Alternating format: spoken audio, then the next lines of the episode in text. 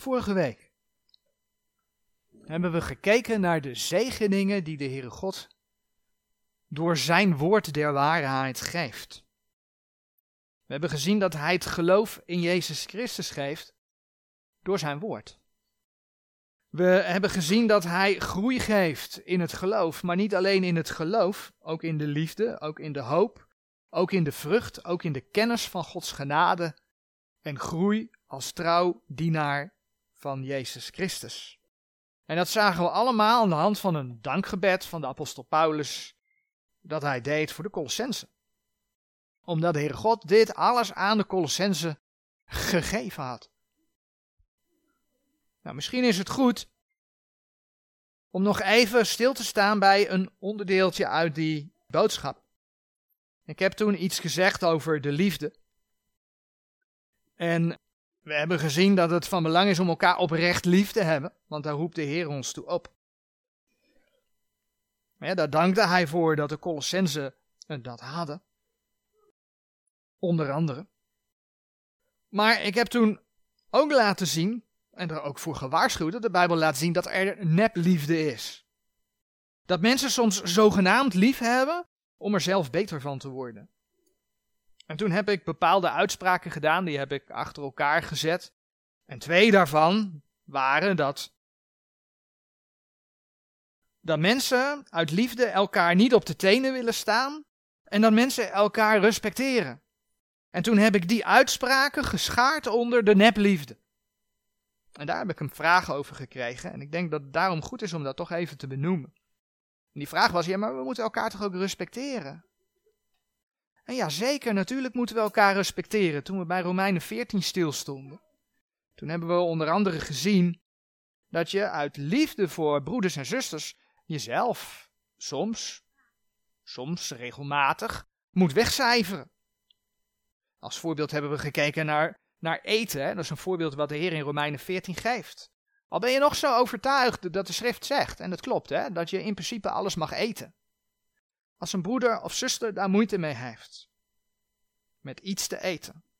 In de context ging het over vlees eten, maar als een broeder of zuster daar moeite mee heeft, dan houd je daar rekening mee. Dan zegt de Heer in zijn woord in Romeinen 14, dan ga je het werk Gods in die broeder of zuster niet verbreken om de spijzen.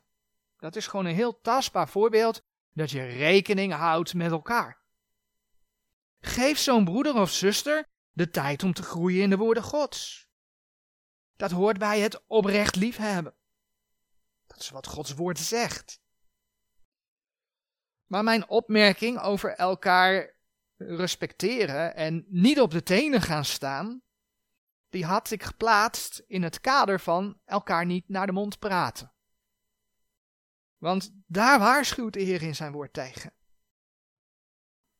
dat je de waarheid maar niet meer zegt, omdat je de ander zogenaamd pijn zou doen. Dat je dan maar met de ander mee gaat praten. Want ja, je moet die ander respecteren, nou dan ga je maar meepraten. In dat kader heb ik dat geplaatst. En dan heb je het over een verkeerd respecteren. Want dan ga je de waarheid verzwijgen en dan ga je het niet meer over de waarheid hebben. Dan, ga je, eh, dan is het een verkeerd respecteren en dan is het een verkeerd niet op de tenen gaan staan. Dan is het geen rekening houden meer met, maar dan is het de waarheid verzwijgen. En dat is nou juist wat Gods woord laat zien, hè? dat de liefde zich niet verblijdt in de ongerechtigheid, maar de liefde verblijdt zich in de waarheid. 1 Korinthe 13 vers 6. Dus mochten er bij meerdere mensen vragen gerezen zijn over ja, die zinsnede die die ik uitgesproken had, dan hoop ik dat het hiermee duidelijk is hoe ik dat bedoeld heb. Dan gaan we nu verder met de boodschap van vandaag. Soms wordt het moeilijk gevonden om voor anderen te bidden. En soms vragen mensen zich dan af, maar wat moet ik dan bidden voor anderen dan? Vaak als er nood is, dan wordt de Heere God in gebed wel gevonden. Dan zeggen we, we gaan voor je bidden. Maar het is belangrijk om altijd, om altijd voor die ander te bidden. Niet alleen als er nood is. Kijk maar in Colossense 1 vers 9.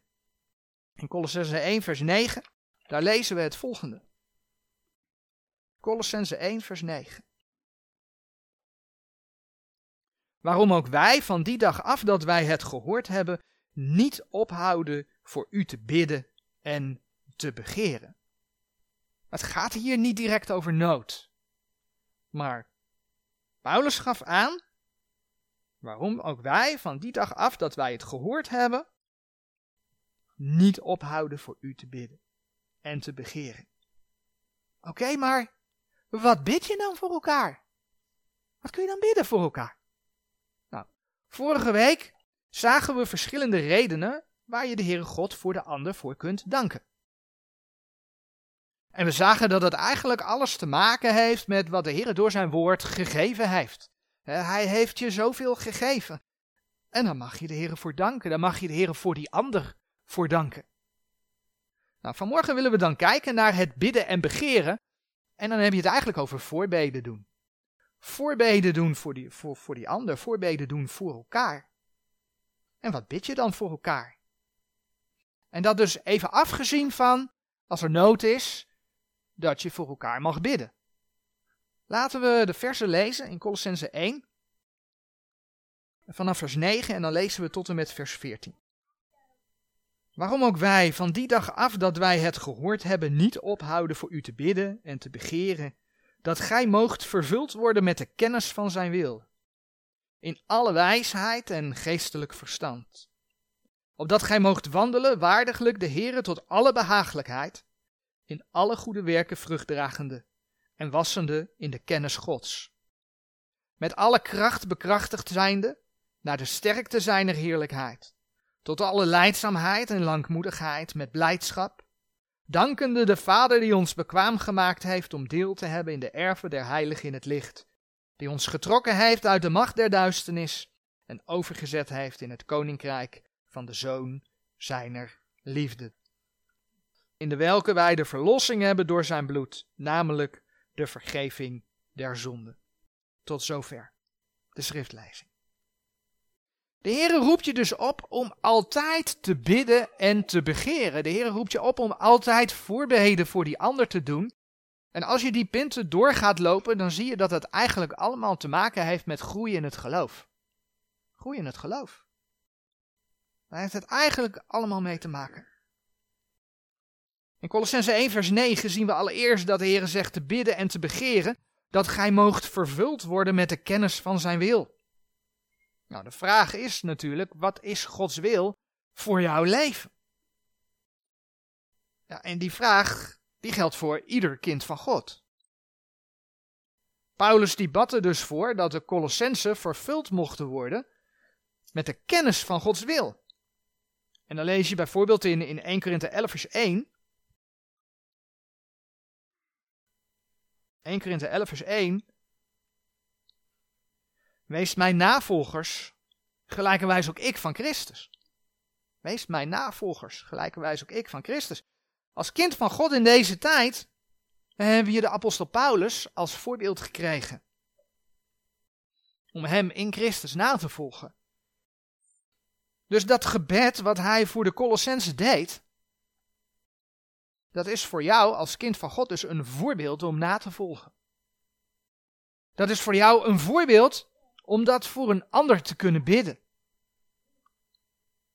Ja, en dat geldt dus eigenlijk voor al die onderdelen die je in dat gebed tegenkomt. Als men in de kerk zegt dat ze een gebed gaan leren, verwijzen ze eigenlijk altijd naar het Onze Vader van de Heer Jezus Christus. Terwijl het eigenlijk een gebed is dat de Heer Jezus zijn discipelen leerde op het moment dat hij nog niet gestorven en opgestaan was. Nou, daar zitten hele bijbelse elementen in, ook voor deze tijd. Maar het is eigenlijk een gebed dat de Heer Jezus zijn discipelen leerde voordat de gemeente er was. Hier zien we een gebed dat gericht is aan de gemeente. Dus daar kunnen wij van leren. Dat is ons als voorbeeld gegeven. Maar eerst, wat dus vers 9 zegt van Colossens 1, dat gij moogt vervuld worden. Dat gij moogt vervuld worden met de kennis van zijn wil. Hoe kom je erachter wat Gods wil is voor jouw leven? het antwoord zal je niet verbazen door Gods woord te lezen. Laten we een tekst opzoeken, 1 Thessalonicense 5 vers 18. Soms zijn antwoorden heel simpel. 1 Thessalonicense 5 vers 18. Dankt God in alles, want dit is de wil Gods in Christus Jezus over u. Dus als je niet weet wat Gods wil voor je leven is, is hier één ding om mee te beginnen: dankbaar zijn. En niet alleen dankbaar zijn, maar die dank naar de Heere God uiten. Voor jezelf, maar dus ook voor die ander. Dat is Gods wil, dat heb je net gelezen in 1 Thessalonicense 5 vers 18. Dat is Gods wil voor jouw leven. Dat is Gods wil voor al zijn kinderen. Ander vers, 1 Thessalonicense 4 vers 3. 1 Thessalonicense 4 vers 3. Want dit is de wil Gods, uw heiligmaking, dat gij u onthoudt van de hoererij. Dus ook dat is de wil van God. Dat je heilig leeft. Nou, in, in deze context van 1 Thessalonicense 4 wordt dat heel specifiek toegepast op het in ere houden van je eigen lichaam in die zin. En niet dat je je eigen lichaam gaat vereren, hè, maar je lichaam is een tempel van de Heilige Geest. En dat je dus met dat lichaam de Heer God kunt verheerlijken. Nou, wil je daar teksten bij lezen, dan kun je dat vinden in 1 Korinthe 6, vers 18 tot en met 20. Dus de Heer God wil, omdat jouw lichaam een tempel is van de Heilige Geest, dat je je lichaam rein bewaart. En dat je, zoals hier dan staat, geen hoererij pleegt.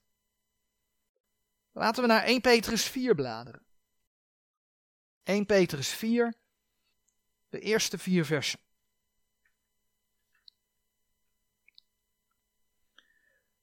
Terwijl dan Christus voor ons in het vlees geleden heeft, zo wapent gij u ook met dezelfde gedachte, namelijk dat wie in het vlees geleden heeft, die heeft opgehouden van de zonde, om nu niet meer naar de begeerlijkheden der mensen, maar naar de wil van God, de tijd die overig is in het vlees, te leven.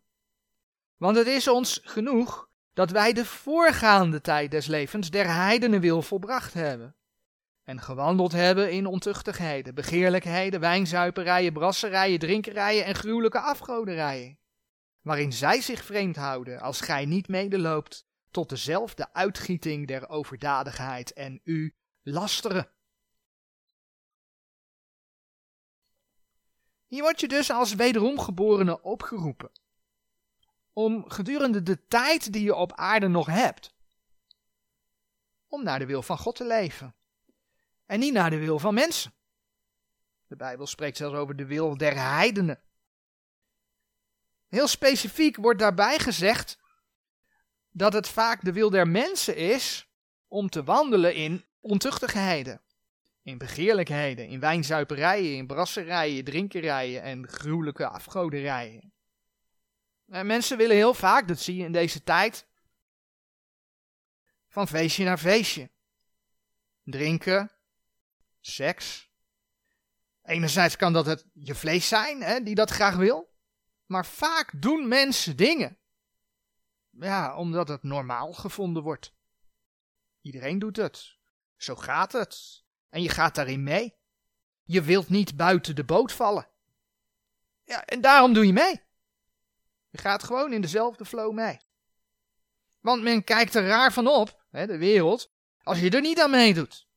En dus is er druk vanuit de wereld, er is druk vanuit de maatschappij, onder andere op de jeugd, maar schakel de volwassenen niet uit.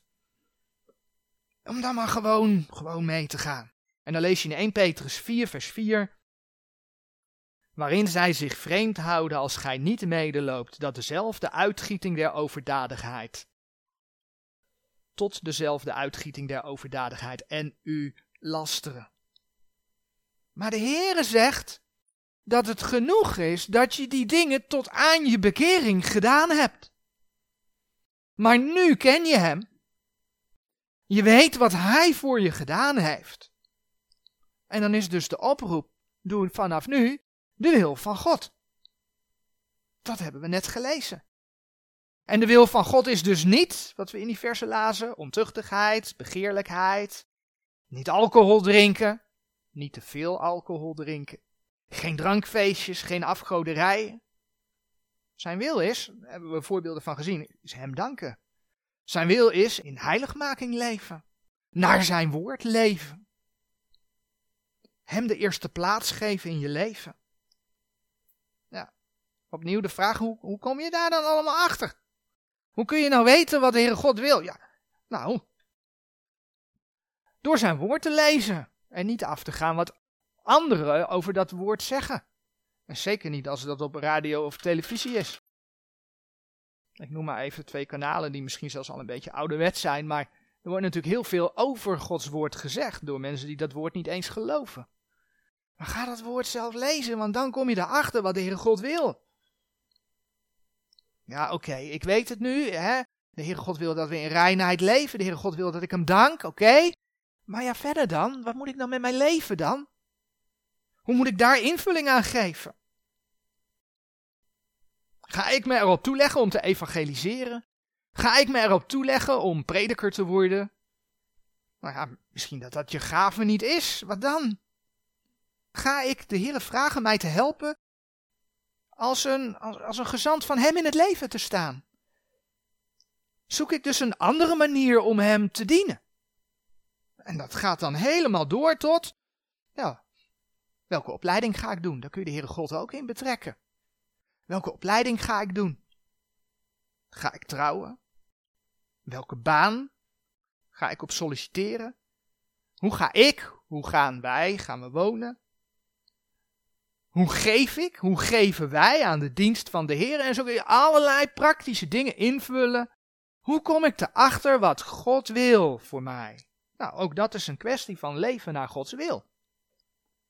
Laten we bladeren naar Romeinen 12, vers 1 en 2. Dat zijn versen waar we de laatste tijd vaker bij hebben stilgestaan.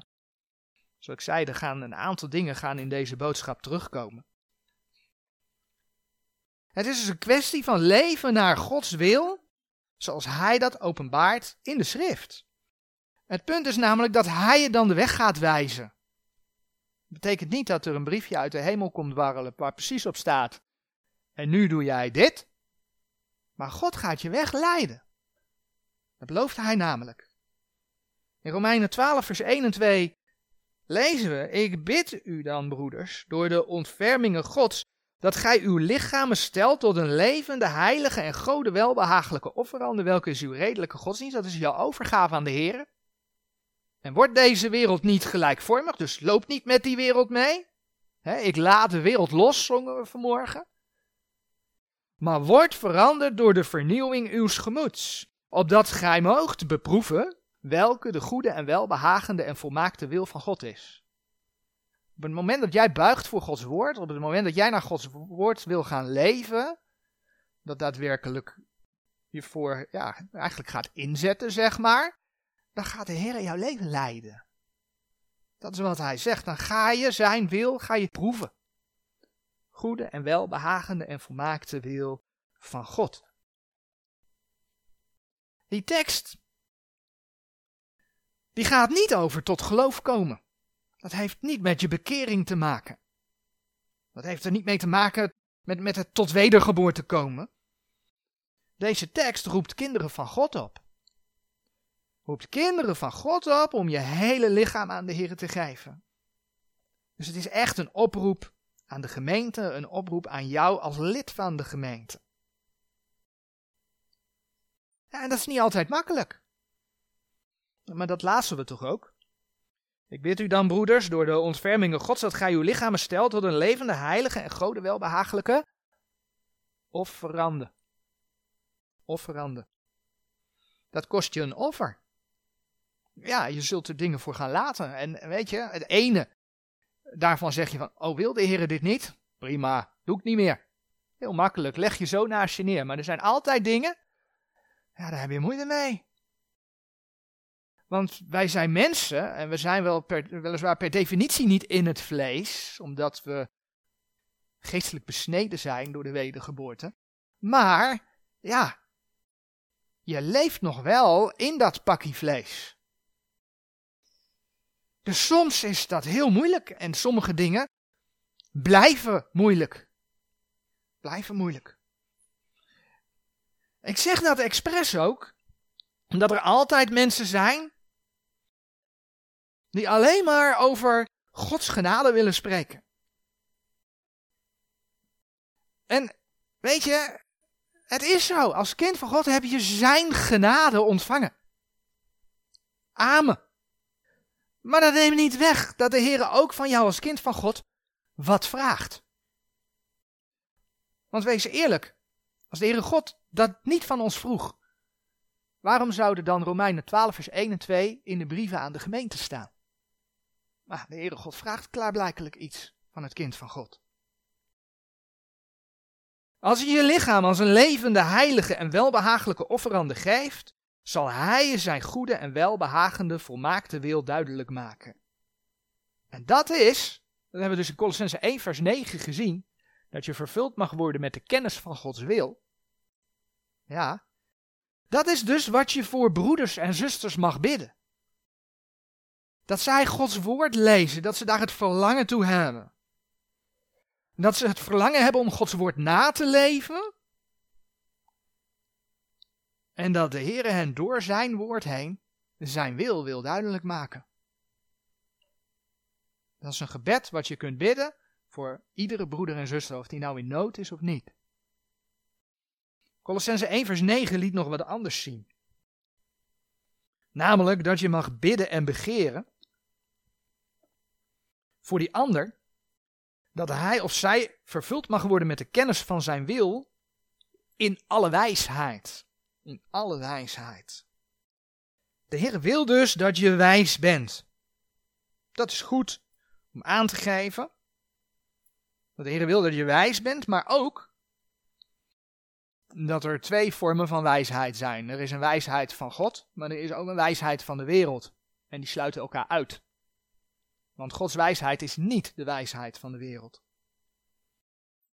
In 1 Korinthe 2 vers 6, daar lees je bijvoorbeeld. Op het moment dat iemand zich als zeer wijs naar voren schuift, dan weet je eigenlijk al dat het niet de wijsheid van God is. Want de Heer vraagt je als kind van God jezelf weg te cijferen. Dus dan ga je niet jezelf als hele wijze voordoen. De wijsheid van de wereld is, dit ben ik. Kijk eens naar mij. Om het maar even aan te geven, nou dat die twee verschillend zijn. 1 Korinthe 2 vers 6 zegt, en wij spreken wijsheid onder de volmaakte, doch een wijsheid niet deze wereld. Dus er is een andere wijsheid dan de wijsheid van de wereld. Nog der overste deze wereld, die te niet worden. De wereldse wijsheid gaat er niet.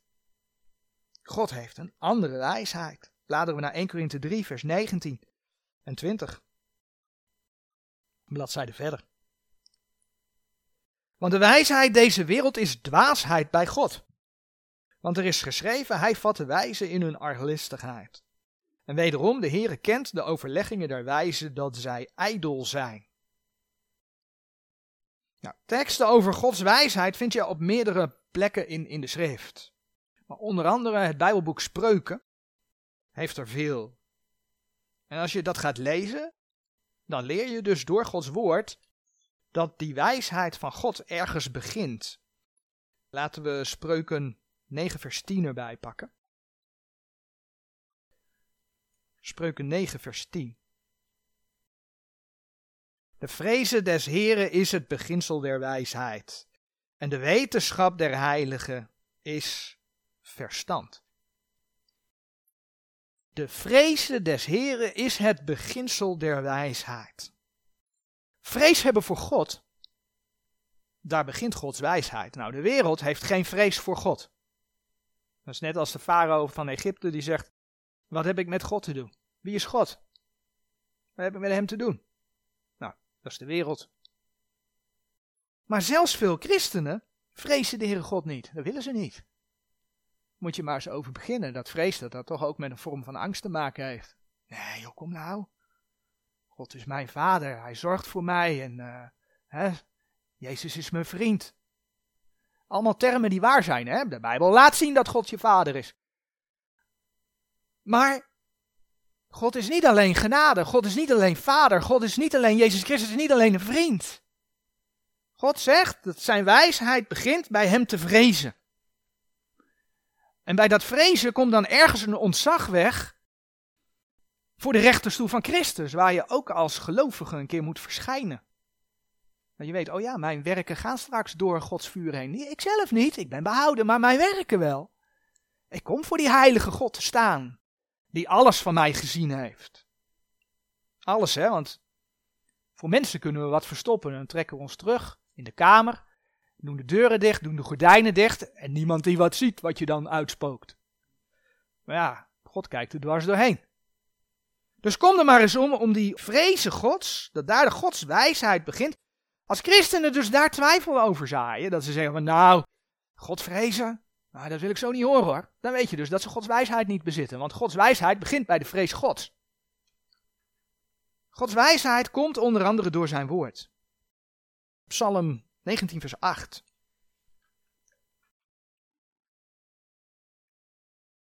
Psalm 19 vers 8, dat zegt...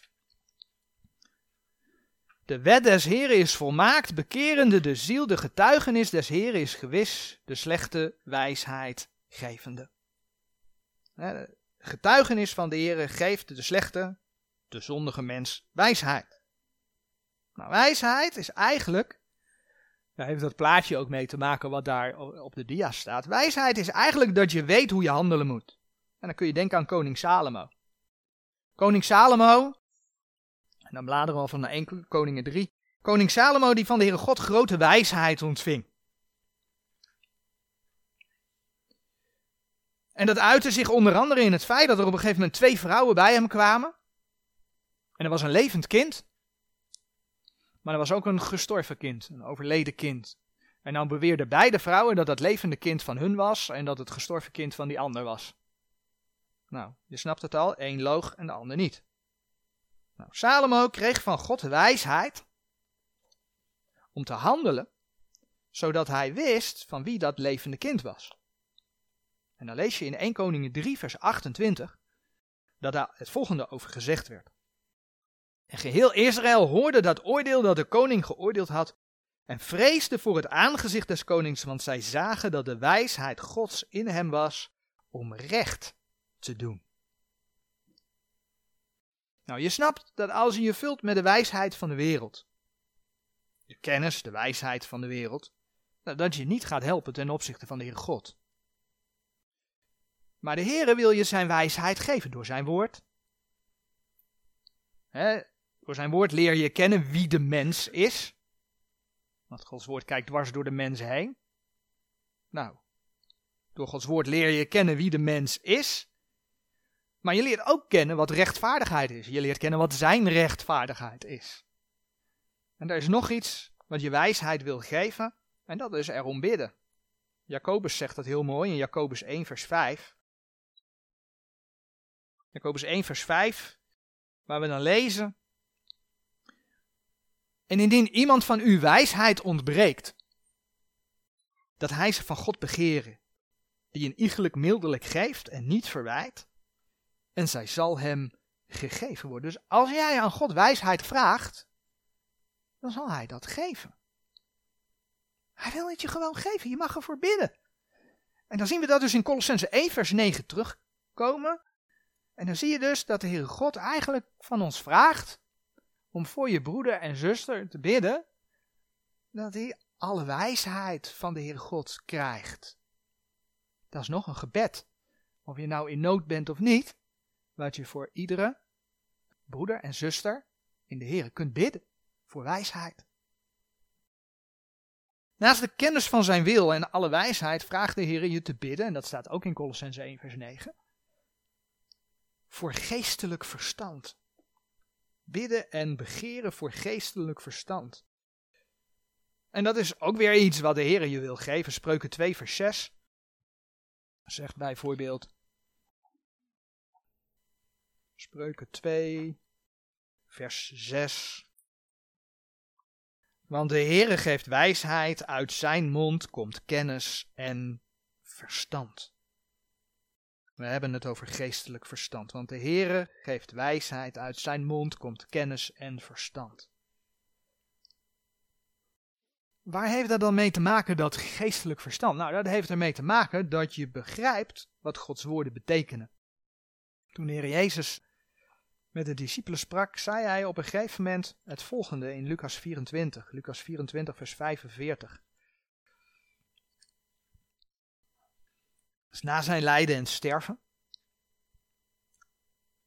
Vlak voordat de Heer Jezus wegging, zei hij, toen opende hij hun verstand, of zei hij, maar dit deed hij toen, toen opende hij hun verstand, opdat zij de schriften verstonden. Dat is dat geestelijk verstand. Zodat zij de schriften verstonden. Nou, en dat vind je niet alleen in, in Lucas 24, vers 45, maar je kunt dat bijvoorbeeld in de brief aan de gemeente min of meer ook vinden in Efeze 1, vers 18. Maar je vindt het ook in, in Hebreeën 11, vers 3. Ander vers, 1 Johannes 5, vers 20. Je gaat je redding in Jezus Christus, ga je begrijpen. Daar geeft hij ook verstand voor. 1 Johannes 5, vers 20.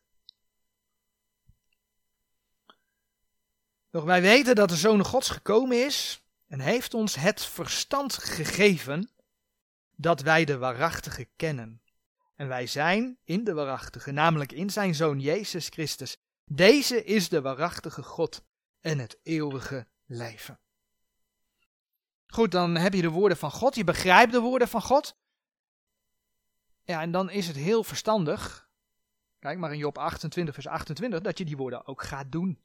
Dat je dat gaat toepassen in je leven. Job 28, vers 28. Dat is ook verstand. Job 28, vers 28. Maar tot de mens heeft hij gezegd: Zie, de vrezen des Heer is de wijsheid. En van het kwade te wijken is het verstand.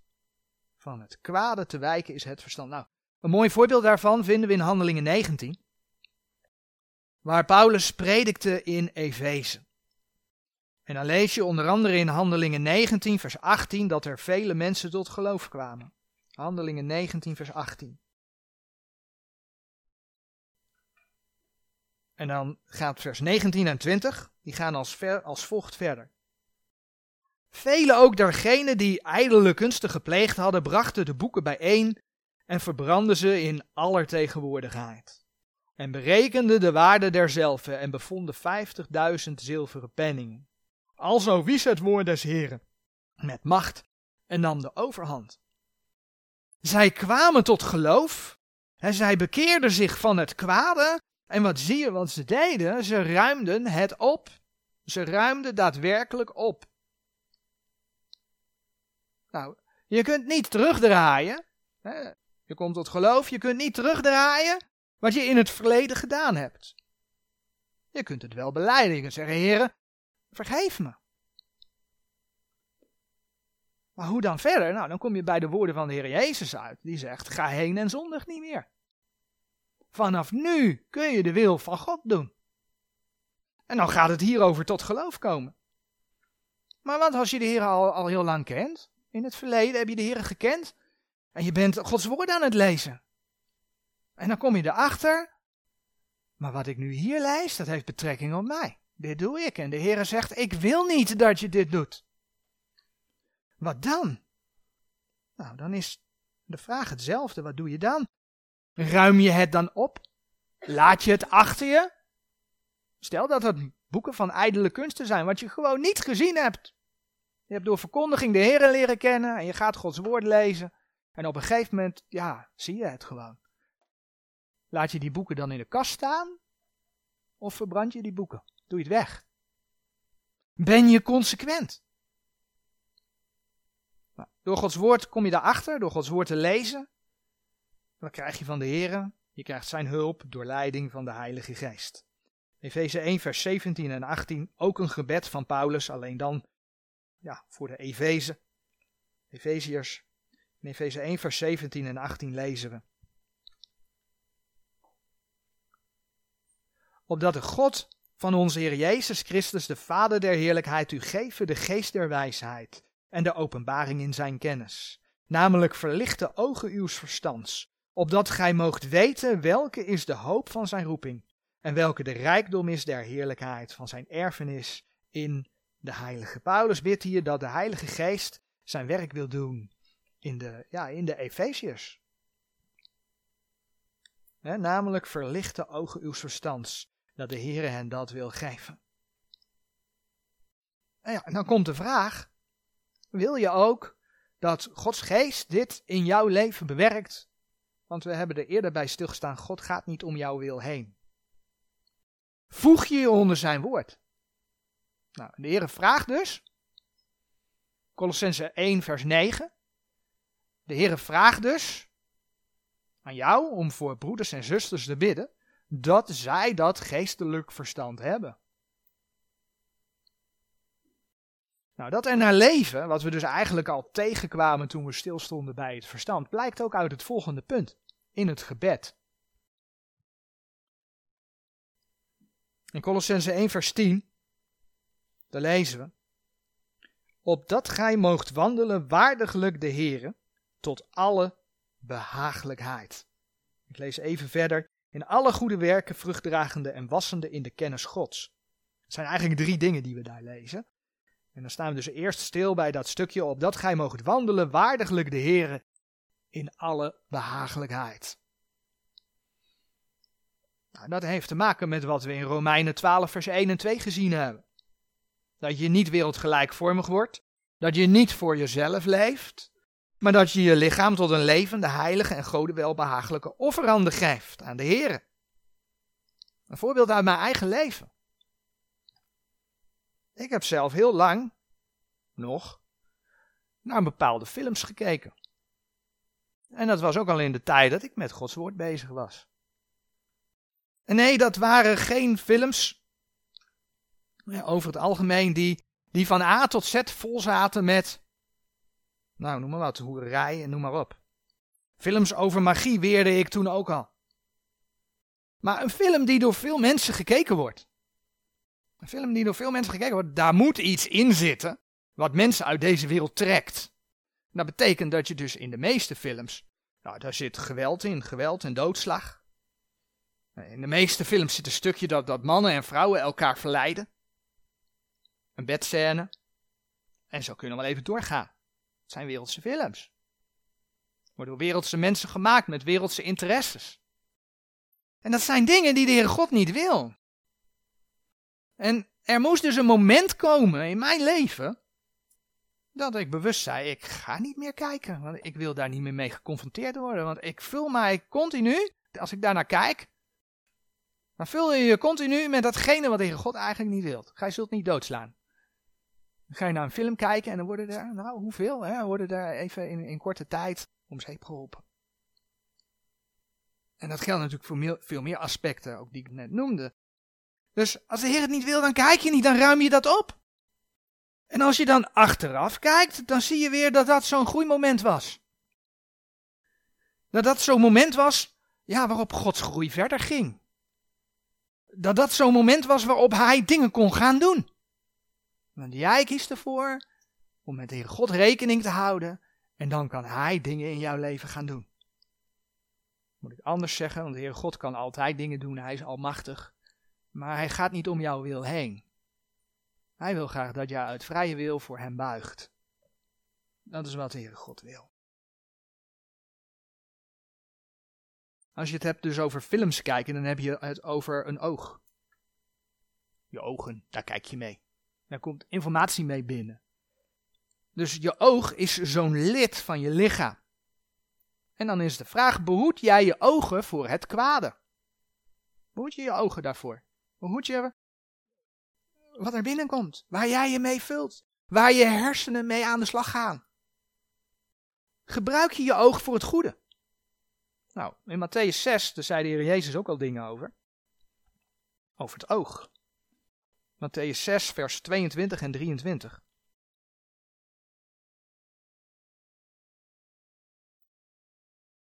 De kaars des lichaams is het oog. Indien dan uw oog eenvoudig is, zo zal uw gehele lichaam verlicht wezen. Maar indien uw oog boos is, zo zal geheel uw lichaam duister zijn. Nou, dat is duidelijke taal toch?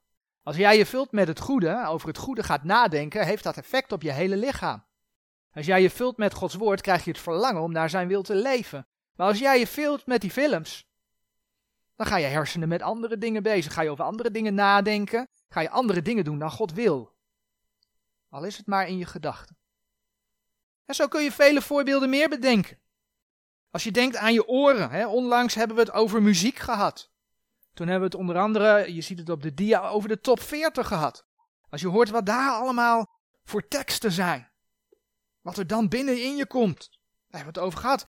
Als je denkt aan je mond. Als je denkt aan je handen, aan je voeten. Allerlei voorbeelden. Nou, zo vraagt de Heer, Romeinen 6, vers 13, om je leden niet te gebruiken, niet te stellen tot wapenen der ongerechtigheid, maar je leden te stellen goden tot wapenen der gerechtigheid. Niet der zonde tot wapenen der ongerechtigheid, maar wel goden tot wapenen der gerechtigheid. Als je zo door geloof in gehoorzaamheid aan de Heere God probeert te leven, dan is dat voor de Heere God wel behagelijk. Hebreeën 11 vers 6 zegt bijvoorbeeld, Hebreeën 11 vers 6, Maar zonder geloof is het onmogelijk Gode te behagen. Want die tot God komt, moet geloven dat Hij is en een beloner is dergenen die Hem zoeken. Als je Hem zoekt, als je leeft tot eer van Zijn naam, als je vanuit geloof leeft, dan is dat voor Hem behagelijk. En dat vraagt de Heere God dus, dat je dat ook voor je broeders en zusters bidt. Dat ze mogen wandelen waardig voor de Heere tot zijn behagelijkheid. Dat hebben we dus gezien in Colossense 1, vers 10. Vervolgens vraagt Colossense 1, vers 10 te bidden en te begeren dat je mag wandelen in alle goede werken vrucht dragende. Dan laten we dan bladeren naar Romeinen 6. Als het goed is, ga je namelijk schamen voor je werken van het vlees. We zagen al hè, dat de Bijbel laat zien dat, dat het verstand is dat je gaat wijken van het kwade. Dat je gaat opruimen, hebben we het over gehad. Nou, als je weet dat iets zondig is, dan laat de Bijbel zelfs zien dat je je daarvoor gaat schamen. Ja, dat je gaat schamen en dat je graag vrucht wil dragen voor de Heer. Romeinen 6, vers 20 tot 22. Want toen gij dienstknechten waart der zonde, zo waart gij vrij van de gerechtigheid. toen je nog geen kind van God was, had je helemaal niks met Gods gerechtigheid te maken. Wat vrucht dan had gij toen van die dingen waarover gij u nu schaamt? Want het einde derzelve is de dood. Twee soorten vrucht. Nou, als kind van God schaam je je voor de vruchten uit, uit het oude leven. Daar kun je vergeving voor vragen. Maar dan is dus de wil om dan voor de Heer te gaan leven. Nou, dan kom je in de gelijkenissen, de gelijkenis van de zaaier tegen. En dat zaad wat dan, hè, van het woord wat dan valt in goede aarde, dat gaat veel vrucht geven. Dat lees je bijvoorbeeld in Matthäus 13, vers 23. Vrucht in je eigen leven. Dat je mag groeien in geloof, vrucht naar buiten toe. Dat anderen mogen horen en opgebouwd mogen worden. Dat anderen de Heer mogen leren kennen. Nou, Paulus bad dat de Colossensen in alle goede werken, in alle goede werken, vrucht mochten dragen. Weet je dat voor je broeders en zusters? Dat zij in alle goede werken vrucht mogen dragen. Zo bad Paulus ook dat de Colossensen mochten wassen in de kennis Gods, mochten groeien in de kennis Gods. Dat staat ook in Colossens 1 vers 10. Paulus bad dus voor een geestelijke groei. Dat ze door vervulling met de kennis van zijn wil, door alle wijsheid en geestelijk verstand, door te wandelen waardiglijk de Heere tot zijn behagelijkheid, daardoor vruchtdragende in alle goede werken ook zouden wassen, groeien in de kennis van God. Nou, dat heeft dus te maken met bezig zijn met in Gods woord luisteren naar prediking, zelf Gods woorden lezen. Hè? 1 Petrus 2 vers 2, geen onbekende tekst, maar die laat ook zien dat je groeit door het woord. 1 Petrus 2 vers 2 zegt, En als nieuw geboren kinderkens, zijt zeer begeerig naar de redelijke, onvervalste melk, opdat gij door dezelfde moogt opwassen, moogt groeien. Nou, dit gaat over de melk. Later krijg je dan de vaste spijzen. eerst haal je de dingen die, nou stel je bent net bekeerd over je bekering, komen naar voren. Maar op een gegeven moment ga je ook de andere dingen begrijpen, omdat je met dat woord bezig gaat. Je groeit. En het is ook de bedoeling dat je geen baby in Christus blijft, maar dat je volwassen gaat worden. 2 Timotheus 3, eh, vers 16 en 17, die laten dat ook zien, dat het woord van God wil je volmaakt toerusten. 2 Timotheus 3, vers 16 en 17. Al de schrift is van God ingegeven en is nuttig tot lering, tot wederlegging, tot verbetering, tot onderwijzing die in de rechtvaardigheid is, opdat de mens Gods volmaakt zij tot alle goed werk volmaaktelijk toegerust. De Heer wil je volmaakt toerusten. Dat je tot alle goed werk in staat bent. Het laat je dus vrucht dragen. Het laat je dus ook standvastig zijn tegen bedriegerij der mensen. Dat hebben we eerder gelezen in Efeze 4, vers 14. Omdat je beschermd wordt tegen alle wind der leer. Heel belangrijk. Bid je dat voor je broeders en zusters, dat ze mogen wassen in de kennis Gods? Dat is wat je dus voor elkaar kunt bidden. Ook. Zodat zij ook standvastig mogen zijn. En niet alle kanten opzwabberen. In Colossense 1, vers 11. Lazen we dat Paulus voor de Colossense bad. Dat zij met alle kracht bekrachtigd zijnde naar de sterkte zijner heerlijkheid. En dat is het mooie. Mensen zeggen heel gauw van, ja maar dan moet ik zoveel doen en het is toch allemaal voor niks. Het is allemaal gratis genade. Ja, je behoud is genade van God. Maar daarvoor vraagt de Heer dus wel iets. Maar het mooie is dat je het niet in eigen kracht hoeft te doen. De Heer wil je helpen. En daarom mag je bidden voor elkaar, dat je met alle kracht bekrachtigd zijnde naar de sterkte van Zijn heerlijkheid. De Heer heeft je zijn geest gegeven. Hij wil je zijn kracht en sterkte geven om je keuzes te kunnen maken en uit te voeren. Want de Heer gaat niet om jouw wil heen. Maar als jij wilt, als jij buigt voor zijn woord, dan gaat hij je helpen. Dan wil hij je kracht geven. Dat blijkt ook zo mooi uit 2 Korinthe 10, vers 3 en 4. We hebben het gehad over de wapenen der gerechtigheid, die de Heer zegt dat je die aan moet doen. Nou, blijkbaar moet je dus iets aandoen. Moet je iets ter hand nemen. Maar dan laat hij zien dat dat jou de kracht van God geeft. Dus uiteindelijk ben je niet uit eigen kracht bezig. 2 Korinthe 10, vers 3 en 4. Want wandelende in het vlees voeren wij de krijg niet naar het vlees. Want de wapenen van onze krijg zijn niet vleeselijk, maar krachtig door God. Nou, dus God geeft kracht. Tot nederwerping der sterkte. De Heere God wil je helpen. Nou, de geestelijke wapenrusting is daar een onderdeel van. Als je Efeze 6, vers 10 en 11 gaat lezen, dan zegt de Heer: trek die aan om standvastig te zijn. Trek die aan, zodat je staande kunt blijven in de strijd. De Heer dwingt niet. Je mag de wereld ingaan. Dat mag. Alleen hij laat je wel de consequenties zien. In zijn woord. Maar hij dwingt je niet. Maar als je ervoor kiest om zijn weg te gaan, ondanks verdrukkingen en moeilijkheden, ondanks dat mensen het vreemd vinden als je niet met hem meedoet, en je daarvoor misschien wel gaan lasteren, wat 1 Petrus 4 vers 4 zegt.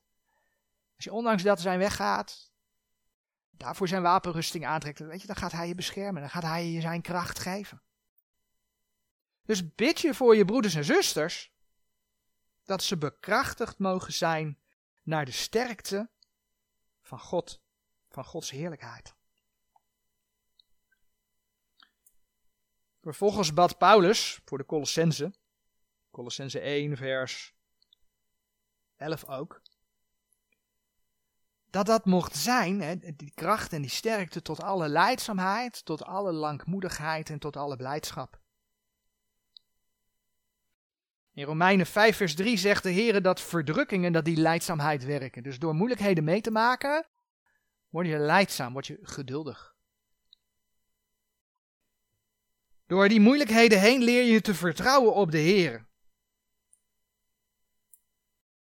Ook laat de Heer zien dat hij zelf langmoedig is. Dat is een andere vorm van geduldig zijn.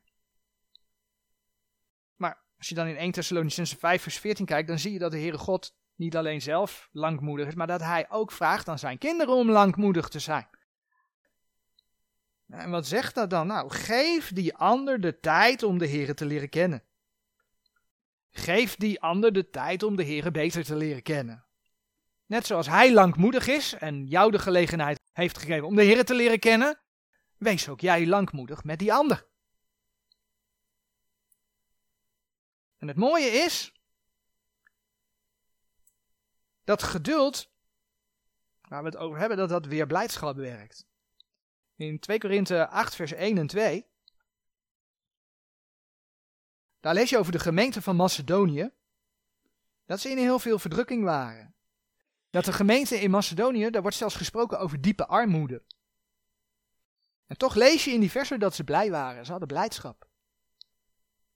En van daaruit gaven zij, ondanks dat ze in diepe armoede zaten, ja, gaven ze overvloedig aan de arme broeders en zusters in Jeruzalem. En dan lezen we in vers 1 en 2. Voorts maken wij u bekend, broeders, de genade Gods die in de gemeente van Macedonië gegeven is. Dat in veel beproeving der verdrukking, de overvloed hunner blijdschap en hun zeer diepe armoede overvloedig geweest is, tot de rijkdom hunner goeddadigheid. Leidzaamheid, langmoedigheid, blijdschap, weet je, dat zijn belangrijke eigenschappen voor het kind van God. En Paulus bad voor de Colossense dat de Heer hen hier zijn kracht en sterkte voor gaf. Bid jij voor je broeders en zusters dat zij de kracht en de sterkte krijgen om leidzaam te zijn, om langmoedig te zijn, om blijdschap te hebben. Nou, en dan kom je in Colossense 1, vers 12, kom je nog tegen dat Paulus opnieuw weer dankt. Hij dankt voor alles en ook de vervolgversen wat de Heer gegeven heeft. En dat brengt ons eigenlijk terug bij het begin waar we begonnen zijn. Dat we de Heer mogen danken. Danken voor alles wat Hij geeft door zijn woord. We hebben opnieuw gezien hoe belangrijk het is om zelf met Gods woorden bezig te gaan. Want door Gods woorden wil de Heer God je heel veel geven. Alles wat je nodig hebt als kind van God. Maar als broeders en zusters mag je dus voor elkaar bidden. Dat ze het verlangen hebben om zich te vullen met Gods woord.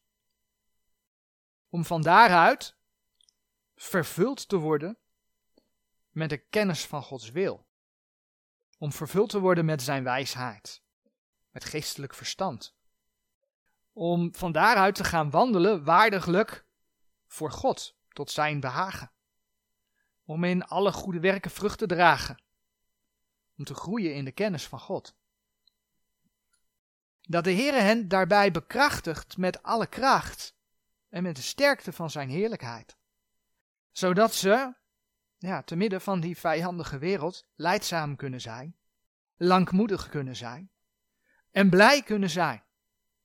En uiteindelijk dankt. Dankt. Weet je, er is zoveel te bidden. Amen.